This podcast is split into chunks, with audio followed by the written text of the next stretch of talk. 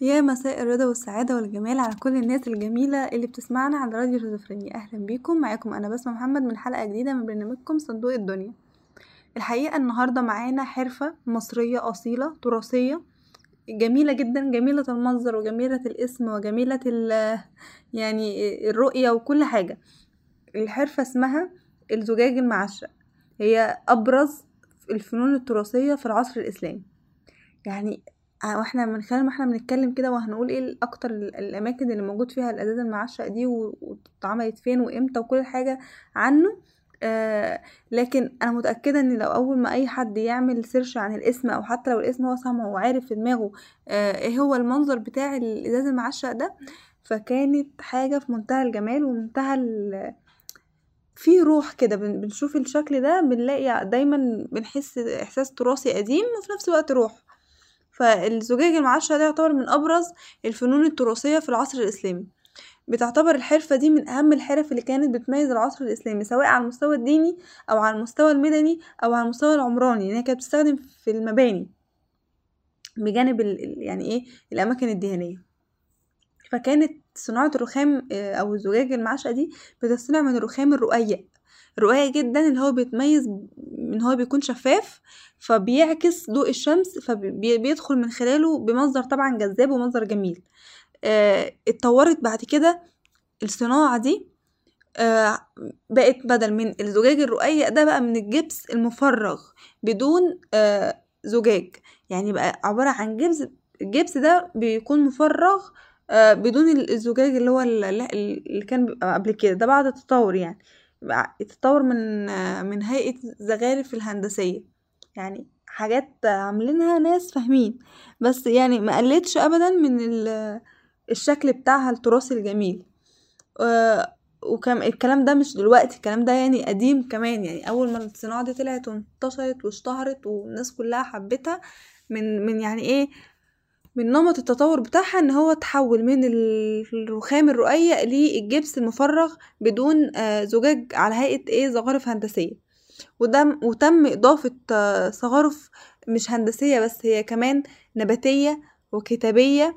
بالإضافة كمان إن هم كانوا بيضيفوا قطعة من الزجاج الملون لسد الفراغات. فالحركة دي أو المعنى ده زادها جمال وأضاف على التكوين الهندسي يعني تكوين انبهاري. شكلها مش بس مجرد أشكال هندسية لا هي بقت كمان بندخل فيها أشكال النباتات وأشكال الكتيبات بنكتبوا عليها جمل جمل بقى دينية زي ما إحنا قلنا أصلا هي ظهرت في العصر الإسلامي فجمل دينية جمل عن الرسول عن ايات قرانيه وهكذا فيبقى شكلها هندسي مبهر. بيعتبر جامع أحمد بن طولون نموذج للزخرفة الهندسية المفرغة الخالية من أي زجاج معشق وانتشرت بعد كده الفن ده في العصر الفاطمي والعهد الأيوبي والعصر المملوكي والعثماني. وكمان من أشهر الأماكن اللي فيها النقش النقش أو الزخرفة ده هو مسجد الصالح طلائع وضريح نجم الدين أيوب ومجموعة السلطان قلوان. ومدرسة جوهر جوهر القنيبي في مساجد كتير كمان في المعز وفي الأماكن اللي فيها أضرحة زي السيدة زينب وحاجات زي كده كتير بتبقى موجودة فيها المنظر الجمالي اللي أنا بقولكوا عليه ده. يعني لو حد سمع أصلا مهنة الزجاج المعشق أو الزخرف الهندسية من خلال الجبس المفرغ أو من الزجاج المعشق ف يعني أنتوا لو عارفينها في دماغكم أو زي ما قلت بحثتوا عنها أنتوا حقيقي من أول ما هتشوفوها وانتوا هتعرفوا يعني كل الإبهار والجمال والروح اللي بتضيفه من من خلال بقى أشكالها النباتية أو الهندسية أو الكتابية يعني بتضيف روح حقيقي حلوة جدا لأي مكان بتروحه سواء ديني أو تاريخي. هو أنت بتخش بتحس إن في روح مختلفة عن أي أماكن تانية زرتها. والجدير بالذكر هنا كمان قبل ما نروح لحتة إن الصناعة دي إزاي قلت أو إزاي اتطورت أو أو أو أو هي صناعة الزجاج الحفر على الزجاج أو الزجاج المعشق ده عرفت في مدينة الإسكندرية من قبل مئات السنين مع مدن في سوريا والعراق. ولكن طبعا ازدهارها القوي والكبير والواسع كان في العصر الإسلامي. للأسف يعني الوقت بقى اللي في الحلقة اللي أنا بتضايق إن أنا أتكلم فيه وهو يعني التراجع أو الاندثار أو الهبوط للصناعات اللي بنتكلم عنها. فهي أخذت أشكال أو مراحل في التراجع.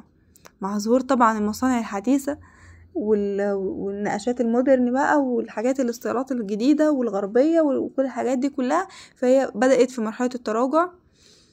طبعا مما أدى يعني لانحصار دور كبير في الورش الصغيرة اللي كانت بتنتج الأماكن دي. ولكن زي ما بنقول كل حلقة برضو كل صناعة إن زجاج المعشق ده هو معشق في قلوب ناس كتير قوي. ناس كتير قوي بتحب الرسم والحفر والتركيب والأشكال الهندسية والكتابية والنباتية. وكل الحاجات دي في ناس كتير جدا بتحب الأشكال دي. وفي ناس كتير يعني أعتقد من خلال الإعداد اللي أنا عملته للمهنة دي من أكتر المهن حقيقي اللي بتبقى موجودة ومحافظة على روحها لحد دلوقتي. يعني زي ما قلت لكم لو نزلنا خان خليل نزلنا المعز نزلنا السيدة زينب نزلنا نزلنا أي أماكن فيها الروح اللي إحنا متعودين عليها دي هنلاحظ ده بشكل كبير جدا. دي حقيقة. فهم برضو يعني إيه مصرين وثابتين إن المهنة دي ما تندثرش حتى برغم كل اللي بيحصل فيها وإن هي تستمر في يعني تاريخها وتستمر في عمايلها ولسه بيعملوها ولسه بيشتغلوا عليها ولسه بتطلب يعني زي ما قلت بأكتر من المهن التانية. وبكده تكون خلصت حلقتنا استنونا إن شاء الله الأسبوع الجاي بحلقة جديدة في نفس الميعاد. دمتم في رعاية الله وحفظه.